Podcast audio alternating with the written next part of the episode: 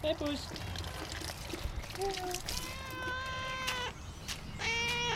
Zo, dat is klaar. Ja, poes. We zijn, we zijn een podcast aan het opnemen. Over, over Stiense plantjes. Daar snap jij niks van. En jij eet gewoon liever de muizen. En dat vind ik veel beter, want muizen eten ook, ook Stiense plantjes. Muizen vinden krokusjes heel lekker bijvoorbeeld.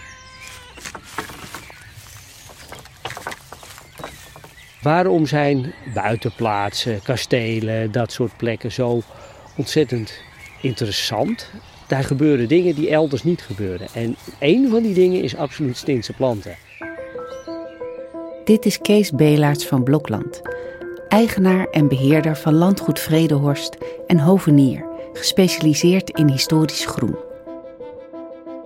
Je luistert naar de Stinsen Potwalk, een podcast van Stichting Kastelen, Buitenplaatsen en Landgoederen, aflevering 2, de erfgoedhovenier.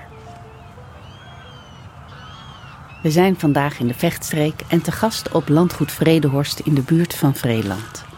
Kees leidt ons rond. Hij groeide hier op en beheert het landgoed met veel enthousiasme. We zijn hier eh, op Vredenhorst, eh, de plek waar ik geboren en getogen ben. Uh, ik heb eh, de liefde voor plantjes heb ik absoluut van mijn moeder en mijn oma gekregen. Die waren ook altijd met plantjes bezig.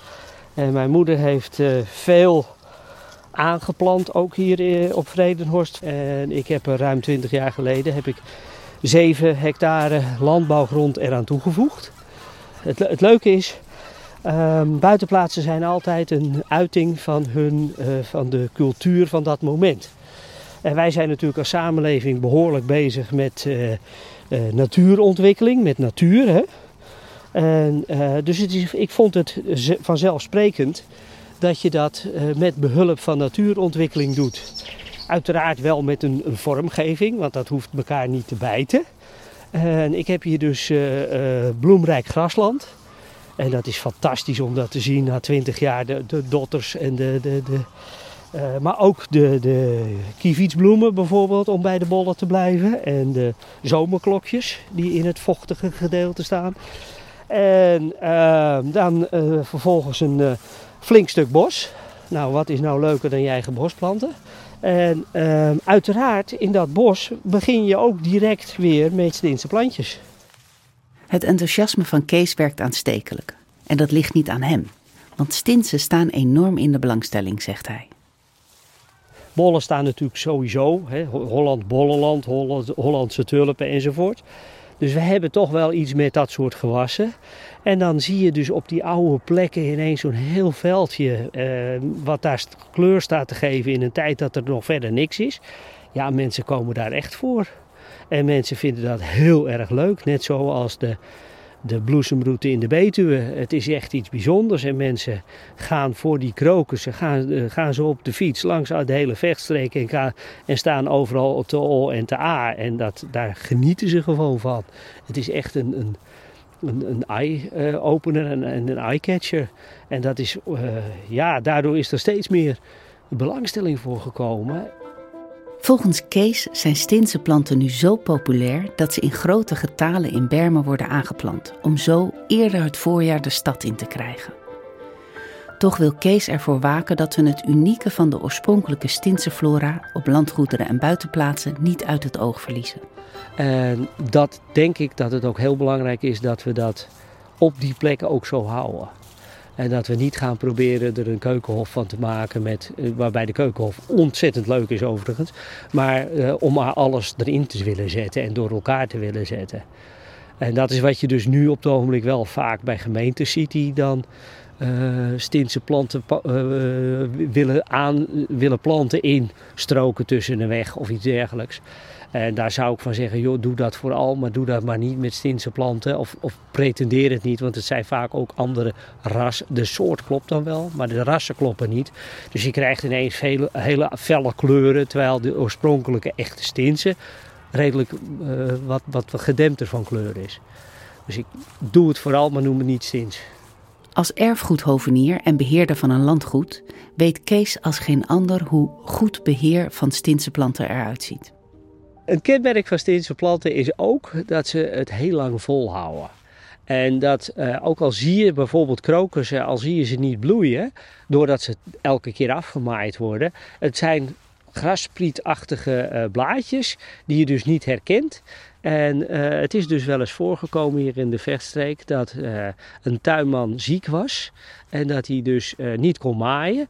En dat toen ineens de krokussen volop begonnen te bloeien. Want die hebben jarenlang altijd maar afgemaaid ge geweest. En nou konden ze eindelijk een keertje. en toen bleek het dus helemaal vol met, met Stinse planten te staan. En dat is wel heel leuk, dat soort, soort, soort dingen. Voor Stinse planten die in het gras groeien is te vroeg maaien dus funest. Sterker nog, het niet maaien is fantastisch leuk volgens Kees. En ik maai dus altijd pas uh, in juni. En het leuke is dat de opvolging van de uh, krokussen, wat, dan heb je zo'n heel paars veldje.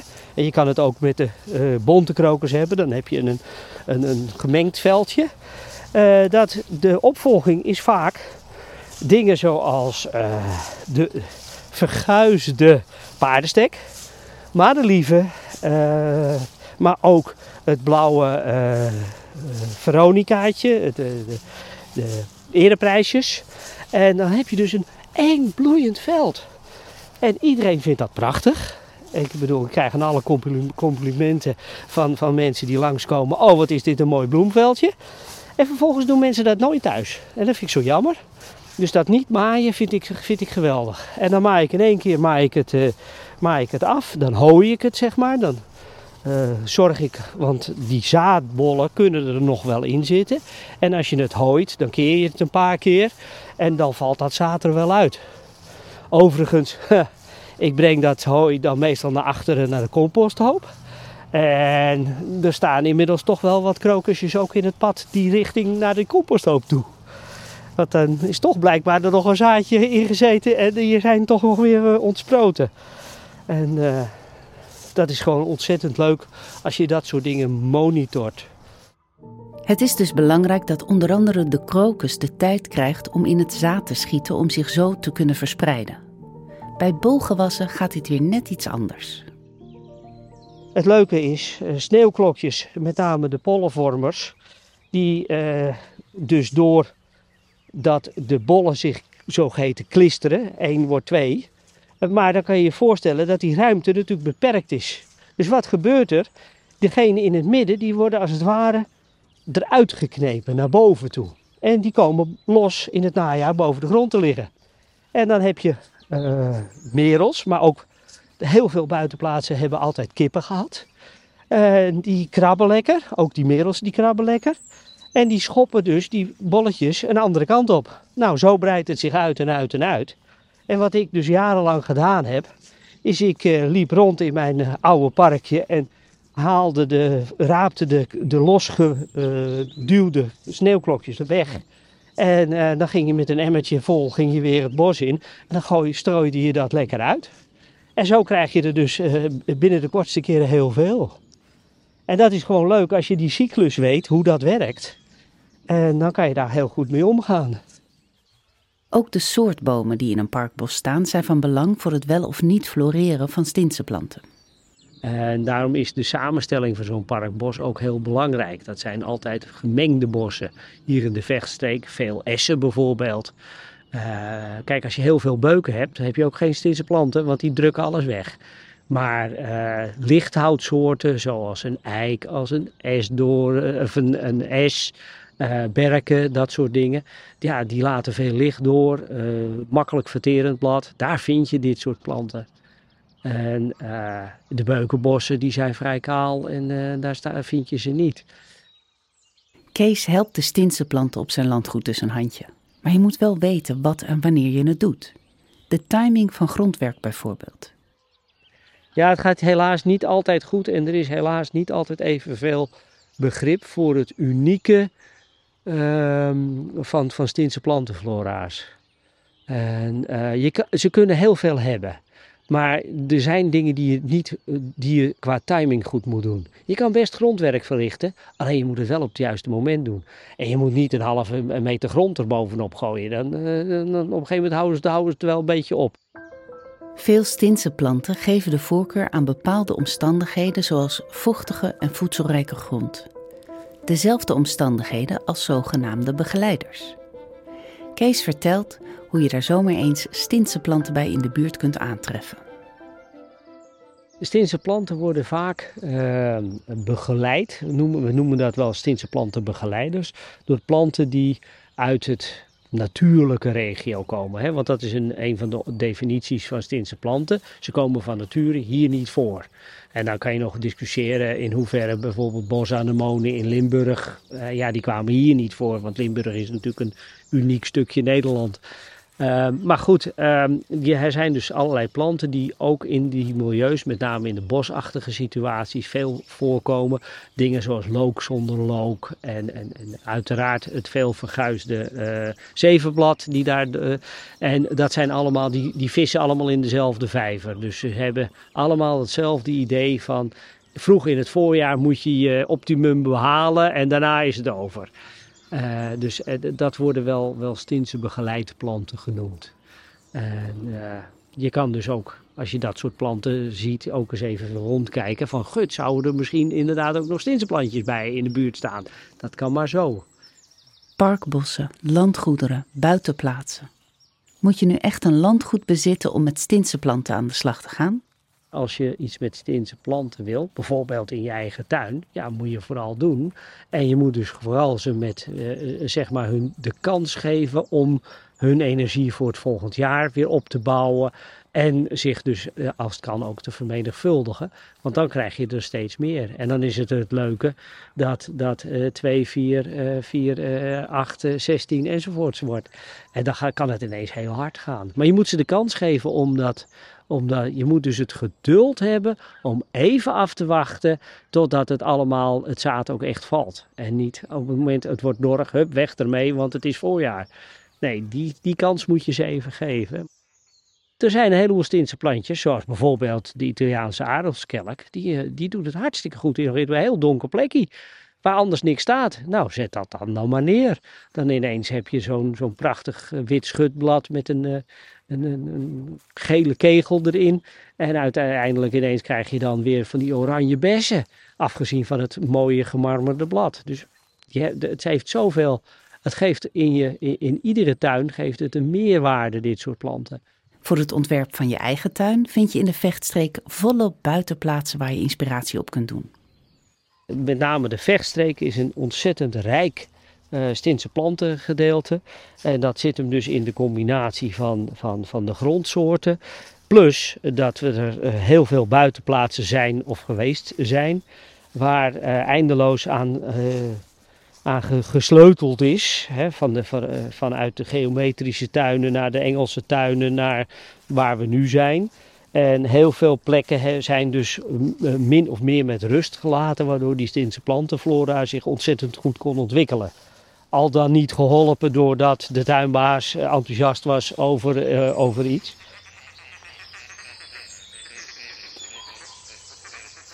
We zitten hier natuurlijk in Midden-Nederland langs de Vecht. En dat is een gebied waar wat kleiig is qua basis. En daar hebben we vervolgens in de loop der honderden jaren met verbouwingen enzovoorts behoorlijk wat puin aan toegevoegd. Uh, daar hebben we veel zand aan toegevoegd en behoorlijk wat organische stof. Nou, dan krijg je dus een grond die, we ook wel, die vroeger wel moergrond genoemd werd. En daar groeit alles in. En die Stinse planten vonden dat heerlijk. Dus die hebben zich behoorlijk kunnen ontwikkelen uh, daarin. En uh, je hoeft er dus eigenlijk heel weinig aan te doen hier in de omgeving. Er zijn dus talloze buitenplaatsen langs de vecht. Maar waar moet je zijn om bijzondere Stintse planten te bewonderen? Op uh, Nijenrode staat dus bijvoorbeeld ook de beroemde bostulp. En uh, dat is echt, ook echt zo'n dingetje dat uh, in Friesland is die ruim aanwezig. Maar ook in de vechtstreek vind je hem toch ook nog op, niet zo massaal, maar wel overal wel weer terug bij kasteel Nijenrode is een fantastische uh, bonte krokuspopulatie. Uh, maar ook andere plekken langs de vecht die je ook goed kan bekijken. Zoals Leeuwenburg en Ganzenhoef in, in de Maarsen. eh, met mooie uh, krokuspopulaties in het, uh, in het gazon. Zo heb je bijvoorbeeld op kasteel Zuilen heb je, en, en in Oud-Zuilen de, de buitenplaatsen die daar geweest zijn of nog zijn. Daar heb je een prachtig soort anemoontje wat je nergens anders vindt. En natuurlijk, het is een gewone anemoon, een bosanemoon, maar hij is heeft geen paarsverkleuring op het steeltje zitten. Hij is gewoon helemaal wit. En dan denk je, verdorie, dat is toch weer ergens iets bijzonders. Op Vredehorst staan onder andere de bosstulp, het voorjaarsklokje, de boshyacint, de voorjaarshelmbloem en de holwortel. Maar als je met Kees over het landgoed loopt, merk je dat hij vooral enthousiast wordt van de kracht van de massa. Een groot veld met sneeuwklokjes bijvoorbeeld. Kees vertelt over de vondst van het eerste sneeuwklokje van het seizoen. Het eerste sneeuwklokje heb ik zelf ooit uh, eh, 7 november gevonden. En dat zijn dan de zogeheten Elwesies, een, groot model sneeuwklokje die heel vroeg is. Uh, dat was ontzettend leuk, trouwens, om dat te doen. Uh, dat was, was bij een project van Natuurmonumenten waar we hem ontdekten. En die hebben dat wat wereldkundig gemaakt. En dan moet je je voorstellen dat daar twee mannen, s'morgens heel vroeg, om het wat net licht, half acht, acht uur, uh, op hun buik daar in een tuin liggen. En om daarover te praten over, op de radio. Was heel erg leuk. Maar goed, dat terzijde. Maar die eerste sneeuwklokjes die zijn altijd heel erg leuk. Een andere Stinse plant die erg vroeg in het jaar zijn intrede doet, is de winteraconiet voor Kees een grote favoriet. Misschien wel omdat het plantje zo eigenzinnig is. De winteraconiet is een van mijn favorieten, maar ook een van mijn uh, moeilijkst stuurbare uh, plantjes. Uh, de, de, knolletjes lijken op klontjes aarde. Als je ze opgraaft, dan is het heel moeilijk om ze te herkennen.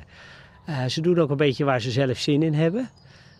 het grappige is, ze zijn dus vrij vroeg en ze gooien het is, het is een soort van, van bekertje met zaad. En dat, uh, het grappige is dat ze, uh, en dat hebben meer Stinse planten, uh, ze hebben mierenbroodjes. En dat betekent dat dat een, een, een aanhangsel is van het zaad, wat interessant is voor mieren. Waardoor die mieren beginnen te slepen met die zaden. Ehm, eerst dacht ik altijd uh, van ze nemen die, de, dat zaad mee naar hun nest en dan gaat het daar ontkiemen. Maar dat zou betekenen dat ze allemaal op één plek staan. Nee, dat is niet zo. Ze beginnen ermee te slepen totdat ze uiteindelijk besluiten om dat mierenbroodje eraf te bijten. En dan ligt dat zaad dus ergens onderweg. Dus op die manier wordt het verspreid. De winteraconiet is een plant met gele komvormige bloemen. Direct onder de bloem zit een waaier van bladen die de bloem als een tutu omsluiten.